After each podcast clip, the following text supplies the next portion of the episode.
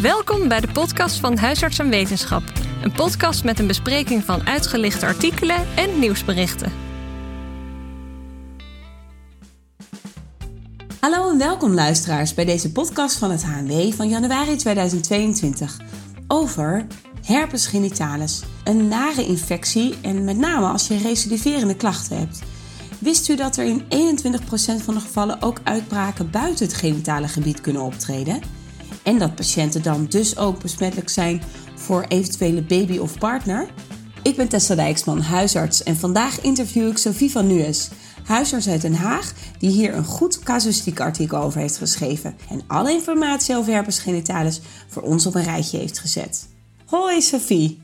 Hey Tessa. Hoi.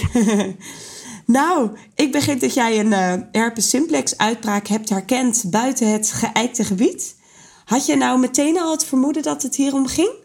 Nou, uh, niet direct. In de zin, ik had het nog nooit eerder zelf gezien. Ik had er wel eens wat over gelezen. Uh -huh. uh, maar ik wist ook, als ik eerlijk ben, niet echt wat het dan anders zou zijn. Dus ja, ik vond het er absoluut wel het meest bij passen. En ik had het later toen ook met mijn collega besproken. En die bleek het eigenlijk wel gezien te hebben al. En nou ja, zo gingen we daar samen nog even over sparren. Het balletje verder gaan rollen. De casus. Een 34-jarige vrouw kwam bij de huisarts omdat ze al jaren last had van recidiverende gordelroos op haar rechterbovenbeen. Ze was verder gezond, maar had twee tot vier keer per jaar een pijnlijke uitbraak. De huisarts zag op de beschreven plek enkele gegroepeerde vesicels en dacht differentiaal diagnostisch aan een infectie met het herpes simplex virus. Herpes zoster, gordelroos, leek onwaarschijnlijk. PCR toonde een herpes simplex virus aan. Interessant. En waren het wel echt van die gegroepeerde blaasjes, zeg maar? Van die vesicels? Ja, ja inderdaad. Het voldeed er echt klassiek aan. Het was niet een heel groot gebied. Het was uh, ja, ietsje groter dan een 2-euro-munt. Met een rode ondergrond. En dan echt heldere blaasjes erbovenop. En die mevrouw vertelde ook wel echt het klassieke verhaal erbij. Dat ze er echt wel wat pijn en, en ze had wat prodromen. Ze voelde het ook van tevoren altijd aankomen en dan wist ze, oh verdorie, het is weer raak. Ja. Dus dat had ook wel impact op haar. Ja, dus dat klinkt ook wel anders dan gordelroos, waar het natuurlijk ook heel erg op kan lijken waarschijnlijk. Ja, zeker. Dat, uh, dat is altijd lastig, die twee uit elkaar te halen. Maar in dit geval was het natuurlijk zo vreemd, zou ik maar zeggen. Ze dacht zelf dat het gordelroos was. Maar ja, dat, dat is zo vreemd als dat hier vijf keer per jaar terugkomt. Ja, inderdaad. Ik bedoel, je kan best een microscopische gordelroos hebben. Dat komt absoluut voor. Maar in dit geval was dat recidiverende karakter echt heel vreemd. Ja. Dat paste gewoon niet bij deze compleet gezonde vrouw. Nee, nou slim, ook van jouw collega. Hey, en na deze casus kunnen we misschien even bij het begin beginnen. Want hoe zat het ook alweer met die HSV1 en 2 virussen? Hoe vaak komt het bijvoorbeeld voor? Goeie vragen. Het zijn twee heel erg verwante virussen aan elkaar. Ze lijken heel erg op elkaar en daardoor kan de uiting ook ja, bijna hetzelfde zijn. Ja? En je ziet dat het herpes type 1 virus, dat dat wel een voorkeur heeft. Voor, komt, zo komt het wat vaker in het gelaat voor. He, klassiek uh, kennen we allemaal de herpes labialis. Ja. En HSV2, dat komt dus weer juist wat vaker rondom de geslachtsorganen voor, zoals de herpes genitalis. Ja vroeg me ook, ja, hoe vaak komt het nou voor? Nou ja, ontzettend vaak. Het is toch blijkbaar iets wat heel makkelijk overgedragen kan worden. Dus ja, in de Nederlandse bevolking zien we dan ook de HSV1, dat daar antilichamen van worden gevonden bij ongeveer, laat ik zeggen, 60 tot 75 procent. En bij de type 2 is dat ongeveer 10 tot 35 procent van de bevolking. Dat is ook nog best veel. Ja, precies. Die besmetting komt blijkbaar veel vaker voor dan we denken. En ja, als je bijvoorbeeld dan kijkt naar wat betekent dat nou voor ons huisartsen, dan had ik getallen uit 2017 gevonden. Ik verwacht wel dat er binnenkort weer nieuwe getallen zullen komen. Ja. En daar uh, werd dan de diagnose herpes genitalis werd in de huisartsenpraktijk dan bij 1,5 op de 1000 patiënten gesteld.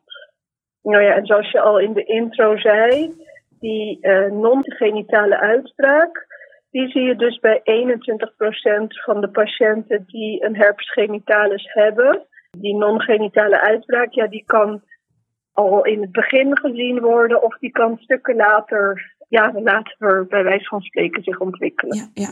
ja, grappig. En dat moet ik eerlijk zeggen dat ik dat niet wist. En ook nog nooit gezien heb. Ja, of niet herkend natuurlijk. Maar Nee, voor mij was het ook de eerste keer. En dat was ook de reden om uh, inderdaad me er verder in te gaan verdiepen. Want ik, had, ik kreeg er een heleboel vragen bij. Ja. Hey, en kun je ons iets vertellen over de transmissieroute? Ja, zeker. Dat vond ik juist dus ook zo interessant. Want hoe kan het nou dat iemand die dan een herpes genitalis heeft, dat dat dus tot uiting komt op de bil of bovenbeen? Ja, inderdaad. Dat, dat begreep ik gewoon niet helemaal. Dus dat was echt de grootste reden voor mij om mijn tanden erin te zetten. En ik ben echt meerdere leuke en interessante artikelen erover tegengekomen. Ja? Maar ik zal, ik zal gewoon even beginnen bij de basis. allereerst kan de besmetting met het herpes simplex virus ontstaan op een plek waar de huid heel kwetsbaar is. Dus of de hoornlaag is uh, heel dun of die is afwezig. Nou ja, dat is natuurlijk het geval bij wondjes, ja. maar ook bij de slijmvlies en de conjunctivae. Dus als, als er contact is en er, wordt daar, er komt daar besmet secreet uit blaasjes of uit wondjes, dan is dat de plek waar het virus gemakkelijk de epidermale keratinocyten kan infecteren. Ja. Um, nou ja, als je dat weet, dan kan dat dus ook, stond bijvoorbeeld een leuk artikel uit Texas, een huisarts die dat had geschreven, dat mannen die na het scheren, kunnen ze allemaal kleine wondjes hebben. Nou ja, en je kan je dus ook voorstellen dat ze, als ze dan seksueel actief zijn en ze doen misschien aan orale seks, uh, dat ze dan een uh, herpesfolliculitis kunnen ontwikkelen in het gelaat. Ja, ja. Oh, dat lijkt me ook heel naar lijkt me ook ontzettend naar. Ik vond het wel een interessant voorbeeld. Ik dacht, Ja. oei. nou ja, een andere oorzaak kan ook zeker zijn zelfbesmetting. Bijvoorbeeld zie je dat bij jongeren die wat seksueel actiever worden, die gaan ja, onderzoeken, experimenteren. Het idee is dat ze vermoedelijk dan eh, door masturberen, hè, dus dat ze het al dat ze al een infectie aan het geslacht hebben en dat ze het vervolgens aan hun handen ontwikkelen. Dan moeten ze wel toevallig iets van een wondje of zo aan de vinger hebben. Ja, Maar ja, hoe vaak heb je wel niet een dwangnageltje of iets dergelijks? ja. En dan kan het virus dus op die plek de huid binnendringen. En, en recidiveert het dan ook weer op die plek? Of recidiveert het dan gewoon op de originele plek meestal? Nee, dan is het dus heel goed mogelijk dat ze eigenlijk op twee plekken in het lichaam ja, een plek hebben waar het kan recidiveren. En recidiveert het dan ook vaker omdat je twee plekken hebt die allebei los van elkaar recidiveren? Of maakt dat niet uit? Nou, dat is een goede vraag. Ik heb daar niet heel specifiek iets over gevonden.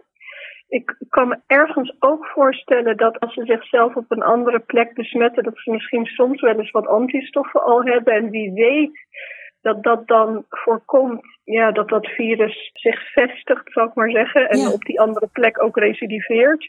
Maar daar heb ik helaas niet concreet wat over gelezen. Nee, nee. Ik kan wel nog even uitleggen hoe dat nou dan verder gaat. Als dat virus dus eh, de huid is binnengedrongen, dan gaat het daar op die plek in de weefsels zich vermenigvuldigen. En dan kan er een verdere infectie op een aantal manieren eh, gebeuren. Eentje is via het bloed, dus een viremie.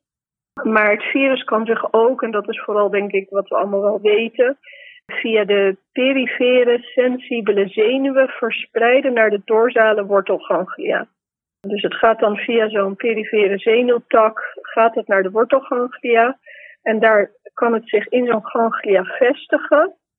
Maar het kan ook vanuit zo'n ganglia eigenlijk een soort van eh diffunderen of uitbreiden naar naastgelegen ganglia. Oké, ja. En eh, ja, dat is ook wel een stukje wat dus bijvoorbeeld verklaart waarom dan zo'n genitale herpesinfectie, ja, die wandelt bijvoorbeeld een beetje door die sacrale ganglia. Die kan zich daar vervolgens levenslang nestelen. En dan kan die vanuit een sacrale ganglia dus bijvoorbeeld naar een bil of een been uitbreken. Ja, dus dat is een beetje bij jouw patiënt, zeg maar, de casus van dit artikel. Dat dus die HSV2 zich had genesteld in een ganglia verantwoordelijk voor het bovenbeen, zeg maar. Ja, exact. Dus En daar was- dus een aantal keer per jaar een uitbraak van gaf. Ja, precies. Dat was de verklaring. Ja, beetje, beetje fysiologie ook erbij. ja, exact. hey, en over die besmettelijkheid. We weten natuurlijk als je actieve blaasjes hebt dat uh, patiënten dan heel besmettelijk zijn. Maar hoe zit het met de besmettelijkheid van asymptomatische patiënten? Want daar krijg ik nog wel eens vragen over in de praktijk. Ja, goed punt. Uh, nou, die blijkt dus behoorlijk besmettelijk te zijn. En dat verklaart waarschijnlijk ook die hoge prevalentie zoals we die eerder hadden besproken. Ja, die, die herpes simplex type 2, dat het echt 11 tot 35 procent was, hè? Precies, exact. Ze hebben dus ook in onderzoek geprobeerd dit verder uit te zoeken onder patiënten met herpes genitalis. Ja. En dan hebben ze swabs dagelijks, meerdere keren per dag, hebben ze afgenomen uit het uh, anogenitale gebied. En daar bleek gewoon dat op 20% van de dagen die mensen dat virus uitscheiden. Terwijl ze op die dagen dus geen blaasjes hadden en ook geen prodromale klachten. Jeetje, dat vind ik echt veel. Ja, zeker. Ja. En toen dacht ik ook, nou ja, hoe zit het dan uh, met patiënt uit onze casus? Ja.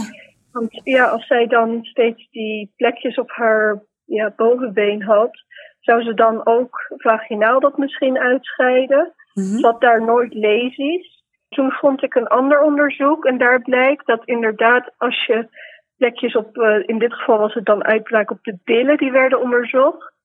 Bij zo'n uitbraak op de billen 7% van de patiënten dan ook anogenitaal virus uitscheiden. Jeetje, dat vind ik wel echt schokkend dat je dus eigenlijk ja, mensen die herpes genitalis hebben, ook al zijn ze asymptomatisch, dat je er nooit vanuit kan gaan dat er geen virusuitscheiding is als partner, maar ook misschien als die vrouwen een baby krijgen. Kan je daar iets over zeggen? Ja, nee, dat klopt helemaal. Gelukkig voor vrouwen die bekend zijn met genitale herpes simplex virus, mhm. is de kans op uh, besmetting uh, van hun baby klein. Daarbij is er wel een onderscheid of zo'n vrouw op dat moment echt blaasjes heeft. Of dat er helemaal geen klachten zijn, geen prodromen, geen wondjes, niks, niets. Ze hebben dan dus ook in een studie gekeken in 2003 in de JAMA. Van hoe zit dat nou met vrouwen die dan durant de partu asymptomatisch herpes simplex virus uitscheiden. En in dit geval was dat herpes simplex virus 2. En toen vonden ze onder die groep van 72 vrouwen, die toen ervoor hadden gekozen of die vaginaal konden bevallen, dat daar geen één neonatale besmetting was opgetreden. Oké, nou dat is wel geruststellend. Ja, dat is, dat is heel geruststellend. En dat is wel dus anders als een vrouw een, primaire herpes simplex heeft bij de bevalling. Mhm. Dat is echt wel meer risico.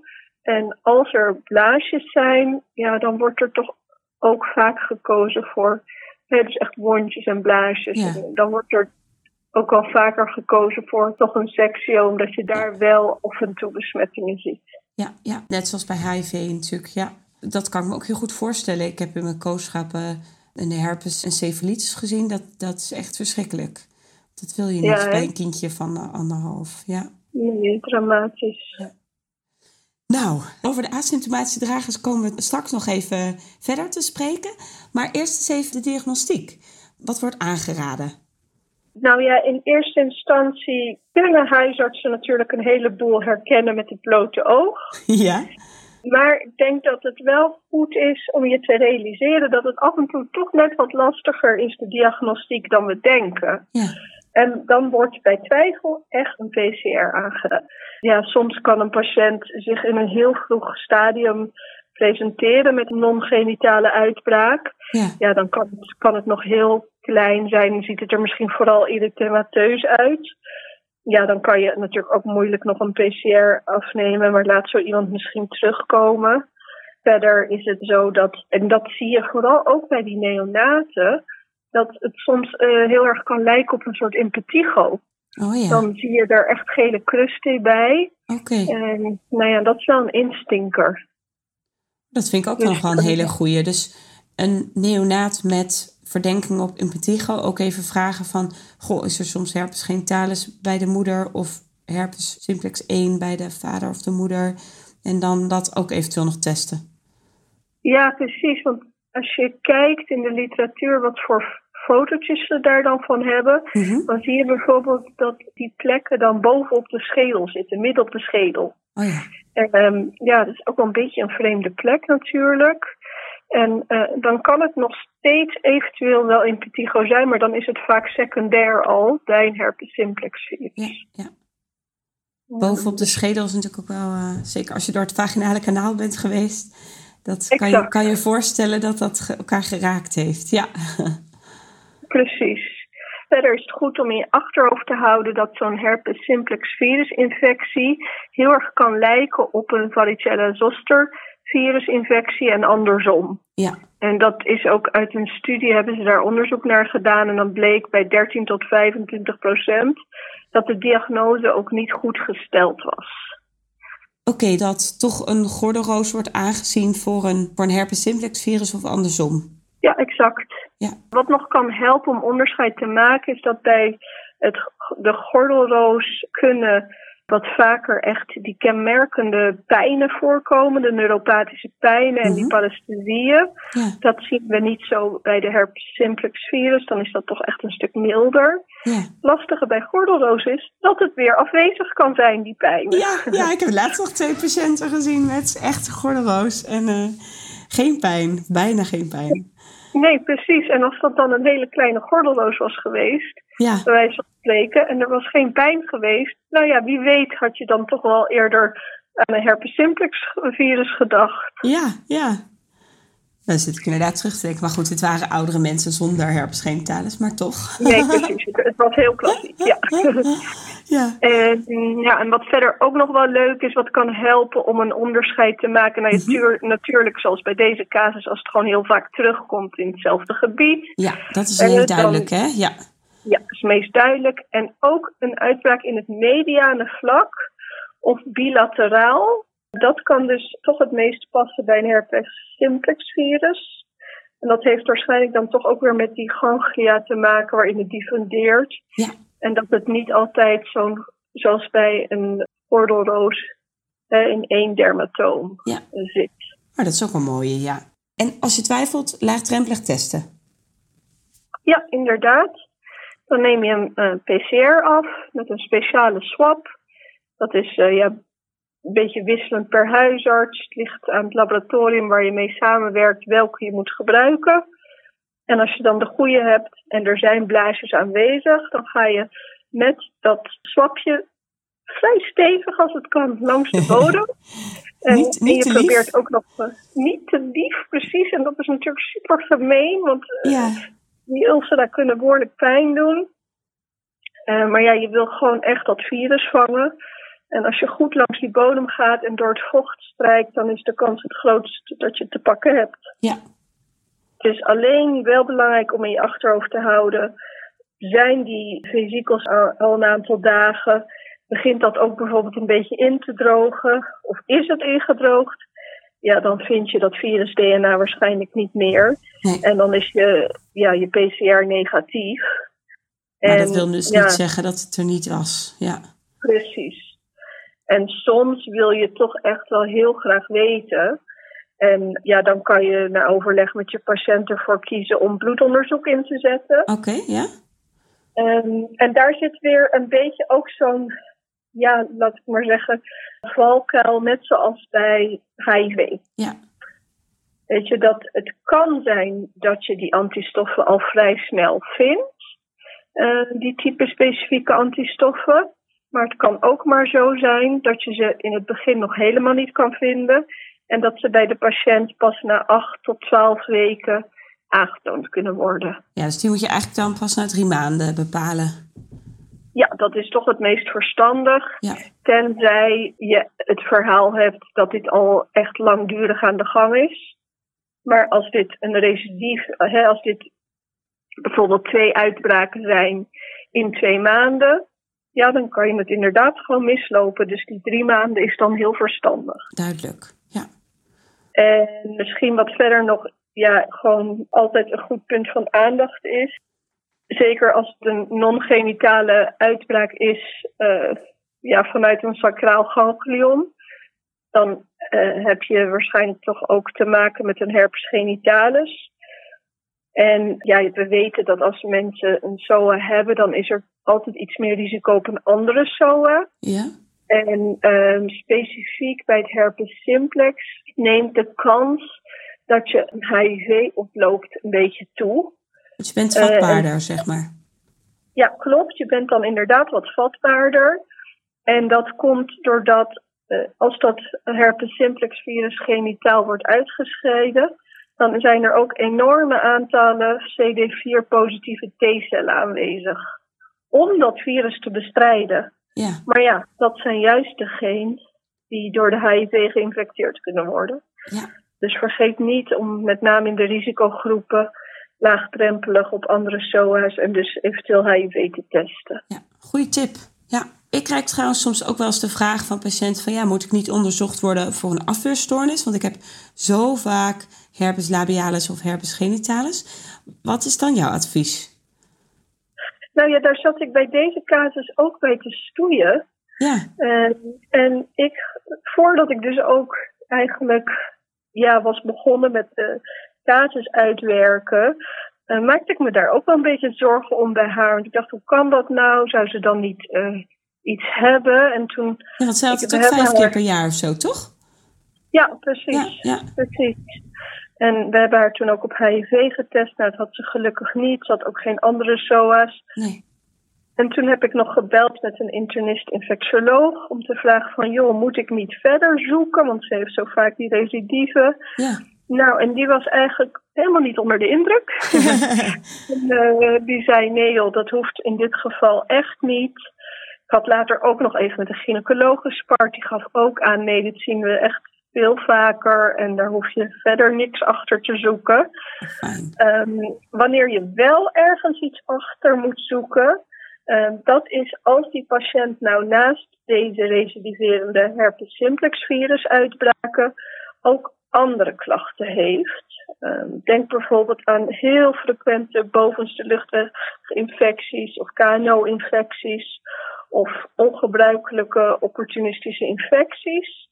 En ook ja, algemene achteruitgang van conditie, enorm gewichtsverlies. Ja, ja maar dan, dan, dan, uh, dan, gaan bij de meeste huisartsen denk ik wel uh, de alarmbellen rinkelen.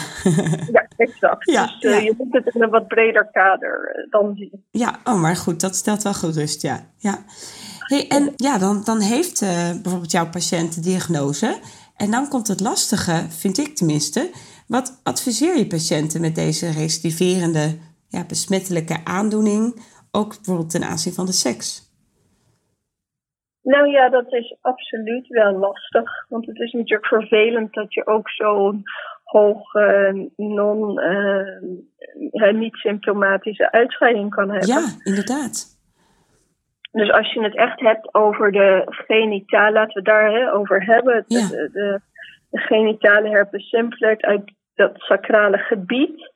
Uh, nou ja, het belangrijkste is dat als ze klachten hebben of als ze prodromen hebben, dat ze dan geen gemeenschap hebben. Dan is de kans gewoon zo groot op overdracht. Ja.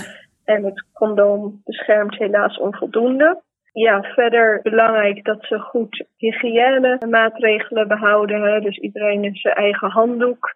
Je kan het toch overdragen als daar met wondjes vocht zit en iemand gebruikt direct daarna die handdoek. Dan um, ja, kan je het toch op die manier overdragen. Dus dat geldt natuurlijk ook voor de koortslip. Hè? Ja. Dat gaat gewoon uh, dood na verloop van tijd. Maar als je gelijk uit hetzelfde rietje drinkt, kan je het echt wel overgeven aan elkaar. Ja. Over die uh, asymptomatische virusproductie ik heb daar ook meerdere vragen over gehad van patiënten. En dan, dan zat ik daar echt mee te stoeien. Want bijvoorbeeld op huidziekte.nl staat dat de eerste drie weken, zolang er blaasjes zijn, dat het zeer besmettelijk is. En dat je asymptomatische virusproductie vooral in de eerste drie tot zes maanden voorkomt. Nou ja, goed, en in dat onderzoek wat jij had gevonden was het zelfs uh, 20% van de dagen van asymptomatische virusproductie. Maar goed, ik heb dus wel patiënten waarbij het inderdaad nou ja, vier keer per jaar voorkomt, dan kan je bijna zeggen van uh, geen seks, maar dat, dat is ook geen leven. Zijn daar nog opties voor? Of voor, voor stel dat iemand bijvoorbeeld een vaste partner heeft die het nog niet heeft? Ja, zeker. Dat is uh, lastig voor die mensen. Er zijn een aantal opties. Nou ja, allereerst is het gewoon heel belangrijk: gebruik dat condoom. Ja. Dat verkleint echt wel de overdracht naar de partner. Ja. En een ander punt wat je kan bespreken dan in de spreekkamer is vragen of de partner er dan ja, wat mee wil. En eventueel kan je die partner zijn bloed testen. Want nou ja, stiekem weten we dus dat de prevalentie heel hoog is. Ja, inderdaad. En ja, voor hetzelfde geld heeft die partner toch dat gehad. Uh, zonder een hele duidelijke uitbraak. Ja. En is die partner beschermd. En dan kan je al heel veel zorgen en onrust wegnemen. Ja, zeker. Um, weet je, dan is het nog steeds gewoon voorzichtig zijn en niet iemand opnieuw blootstellen aan enorme viral loads. Nee, terwijl je actieve blaasjes hebt, zeg maar. Nee. Exact. Dat, dat allemaal nog steeds uit de weg gaan. Maar dan ben je wel een stuk minder. Ja, dan, dan kan je gewoon onbezorgd vlijen. Ja. Dus dat is een goede optie, dat die partner um, getest wordt, mits ze natuurlijk al wel eventjes bij elkaar zijn, want anders heb je weer fout negatief. Ja, dus even die drie maanden moet je. Precies. En, en dan is er nog de optie, stel uh, die partner, die, nou ja, die heeft het dus uh, geen antistoffen. Ja, dan kan je nog je afvragen of misschien de drager, uh, of die preventief valcyclovir moet slikken. Ja.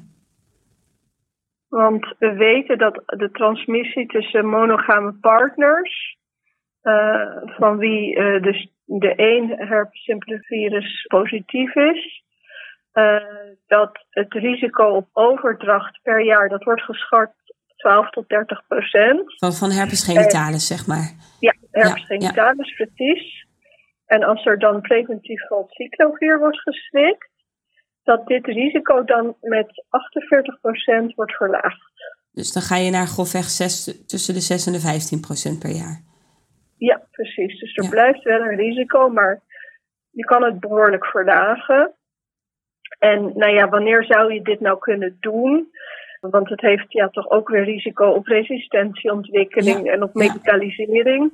Dus ja, het is ook weer niet ideaal. Nee. Uh, maar je zou dat toch serieus kunnen overwegen als bijvoorbeeld een van de partners immuun gecomplimenteerd is. Ja, dan ga je natuurlijk wat uh, met wat groffer geschut uh, verder. Ja, precies. Dan ja. kan het toch wel zulke heftige gevolgen hebben voor zo iemand. Dat je dat toch echt wil, de kans zo klein mogelijk wil maken. Ja. Lastig, maar dat zijn in ieder geval dus opties die je kunt bespreken. Ja, dus je kan uh, inderdaad uh, het condoom, eventueel bloed prikken. Ja. Heeft die partner het niet stiekem al gehad? En als die partner toch echt kwetsbaar is, ja, dan zou je antivirale middelen kunnen bespreken. Ja, voor degene die het heeft. Ja, ja exact. Ja, ja oké. Okay. En wat ik nog steeds wel het allerspannendst vind, is de overdracht naar neonaten of jonge kinderen. Uh, nou, we hadden het net al over de herpesencefalitis. Wat is daar het advies voor? Ja, zeker. Nou ja, als een vrouw een herpes genitalis heeft, volgens mij hadden we dat ook even besproken, ja. dan is gelukkig de kans op overdracht als het non-symptomatisch is heel klein. Maar als je een ja, non-genitale uitbraak hebt op een andere plek, uh, bijvoorbeeld aan de lippen, dus gewoon de klassieke koortslip, ja, dan moet je ontzettend voorzichtig zijn. Want die kleintjes hebben toch waarschijnlijk een grotere kans op een uh, nou ja, zoals je zelf al zei, op allerlei complicaties. Ja, vooral bedekken, bedekken, bedekken, bedekken. Ja. dus uh, zorgen dat je kind er echt niet mee in aanraking kan komen. En dat is lastig, want als het aan, een, aan, de, aan het gelaat zit, ga dat maar eens goed beschermen. Ja, dan zou ik overwegen om als je een koortslip hebt, om op zo'n moment gewoon de hele dag met een mondmasker om te lopen. Zijn we toch al gewend in ja, deze tijd. Dat klopt. Dan hebben we nu eigenlijk de diagnostiek gehad en de, de adviezen die je kunt geven. Kan je ons iets vertellen over de medicamenteuze behandeling? Veel weten we misschien al wel, maar even in de herhaling. Ja, zeker. Um, nou ja, dat ligt een beetje aan, aan de klachten van de patiënt. Dus daar vooral op aansluiten. En heel vaak is er dus niet zoveel nodig. Je kan vaak voldoen met lokale uh, behandelingen, met lokale crèmes. En dan wil je voornamelijk dat het indroogt. Ja. Dus de zinkoxide of de simpele pseudocrème. Ja. wat ik ook nog wel een leuke, leuke tip vond van iemand was, uh, staat ook, dacht ik, in de standaard, dat je kleurloze zinksulfaatgel hebt of zinksulfaat vaselinecrème. En dat kan je natuurlijk als het non-genitaal in het gelaat is. Ja, dan is het wel fijn dat daar niet zo'n witte plak op zit. Oh ja, een goede tip. ja, dat vond ik ook. Dat was een goede tip van die uh, dokter. Nou ja, bij pijn uh, kan je lokaal lidocaïnecrème gebruiken. Eventueel natuurlijk met pijnstillers per os. Dat kan wel echt soms heel gemeen zijn, dus dan is dat wel nodig. En verder heb je uiteraard de orale antivirale middelen. Um, ja, die medicatie staat ook heel goed in de standaard. En denk vooral uh, echt ernstige primo-infecties of heftige en frequente recidiverende infecties. Ja. ja, en dan natuurlijk ook nog eens de risico op de complicaties. Uh, vooral zwangere, immuungecomplimenteerde. Let dan wel op dat er vaak een aangepast beleid is. Uh, verder is het nog belangrijk dat je op tijd begint met die antivirale middelen, want anders heeft het gewoon geen nut. Dus uh, bij zo'n primo-infectie start je graag uh, binnen vijf dagen. Mm-hmm. Of als de lesies nog toenemen. En een recidief binnen 48 uur. Oh, ja. oh dat is vrij snel. Ja. ja, precies. En dan uh, was er ook nog een interessant punt wat ik las in een richtlijn van dermatologen. Dat als die kuur afloopt, maar de blaasjes zijn nog steeds aan het toenemen, dat die kuur dan ook echt verlengd moet worden. En dan Pardon? verdubbel je hem, zeg maar. Precies. Er stond helaas niet exact bij hoe lang dan, maar zo, zoiets lijkt mij logisch. Want ja, dan is het gewoon nog in progressie. Ja, ja want het is normaal geef je iets van drie tot vijf dagen. En meestal vijf dagen en dan zal je wel tien dagen geven of zo. Ja, lijkt me heel logisch, ja, precies. Moet ook een beetje pragmatisch blijven. Exact. Ja. Ja, iets wat je ook nog kan overwegen, dat is om een medicatie als profilaxe te starten. Ja. Dus bijvoorbeeld bij patiënten die meer dan zes recidieven per jaar hebben, dan kan je echt van cyclovir gedurende zes tot twaalf maanden als onderhoudsbehandeling geven. Na dat half jaar of dat jaar, dan stop je het gewoon en dan kijk je gewoon even hoe het gaat? Ja, precies. Dat is wat je in principe doet. Maar het ligt mhm. natuurlijk aan elke patiënt, uh, de casus die je voor je hebt. Ik heb één meisje met echt enorm heftige koortslippen. Die zich zo frequent recidiveerde dat ze dat echt niet zag zitten om dat na twaalf maanden te stoppen. En nou ja, toen hebben we dat na overleg toch nog langer doorgezet. Blijft natuurlijk altijd een beetje persoonsgerichte zorg. exact. Exact. Nou, heel mooi. Hey Sophie, ik was even benieuwd, hoe ging het verder met uh, de patiënt uit jouw casus? Ja, deze mevrouw uit mijn casus, daar hebben we alles mee doorgenomen. Nou ja, zoals ik eerder al zei, ze had gelukkig verder geen andere SOA's of dat soort dingen, geen HIV. En ja, omdat de laatste uitbraak toch wel echt pijnlijk was en ze er last van had, hebben we toen het behandelen van zo'n recidief besproken dat niet super veel uitbraken. Um, ik heb die uitbraak toen natuurlijk ook gezien in de spreekkamer. Ik vond hem niet, ja, het was ook niet heel groot. Nee. Dus om nou profilaxies wat te geven, vond ik toch ook weer wat heftig. Dus toen hebben we uiteindelijk met elkaar besproken van, nou ja, weet je wat, ik geef je dan uh, een kuur van cyclovier wat je thuis uh, op de plank kan leggen. En dan als ze dan weer de, hè, bij de eerste symptomen gewoon gelijk starten, om dan te hopen dat ze er wat minder last van zou hebben. Nou, mooi.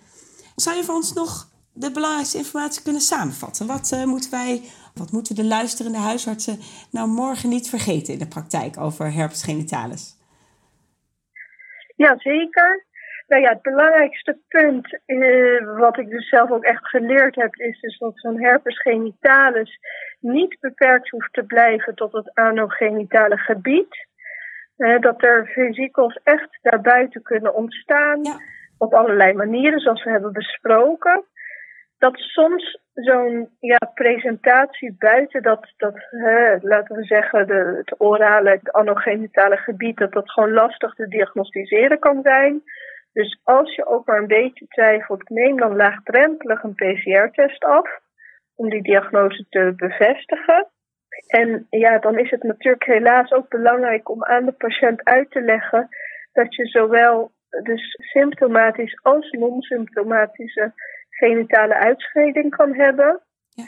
Nou ja, daarbij passend uh, het condoom gebruikt kan worden, goede hygiënemaatregelen. En specifiek voor vrouwen, ja, toch alvast benoemen dat als ze nog jong zijn, van joh, let op tijdens de zwangerschap. Ja, spreekt het met je verloskundige, zeg maar. Exact. Maak zelf niet helemaal bang, want dat is ook niet nodig. Nee. Maar dat, hè, maar dat ze het wel echt in hun achterhoofd hebben. En denk er ook aan dat er dus preventief virusremming gestart kan worden om uh, met name kwetsbare partners te beschermen. Ja. Nou, helder. hey, heel erg bedankt. En uh, wellicht tot je volgende artikel. Ja, wie weet. Ontzettend bedankt voor deze uitnodiging voor de podcast. Ik hoop dat iedereen er wat aan heeft. Dat denk ik zeker. Dankjewel. Tot ziens. En tot ziens.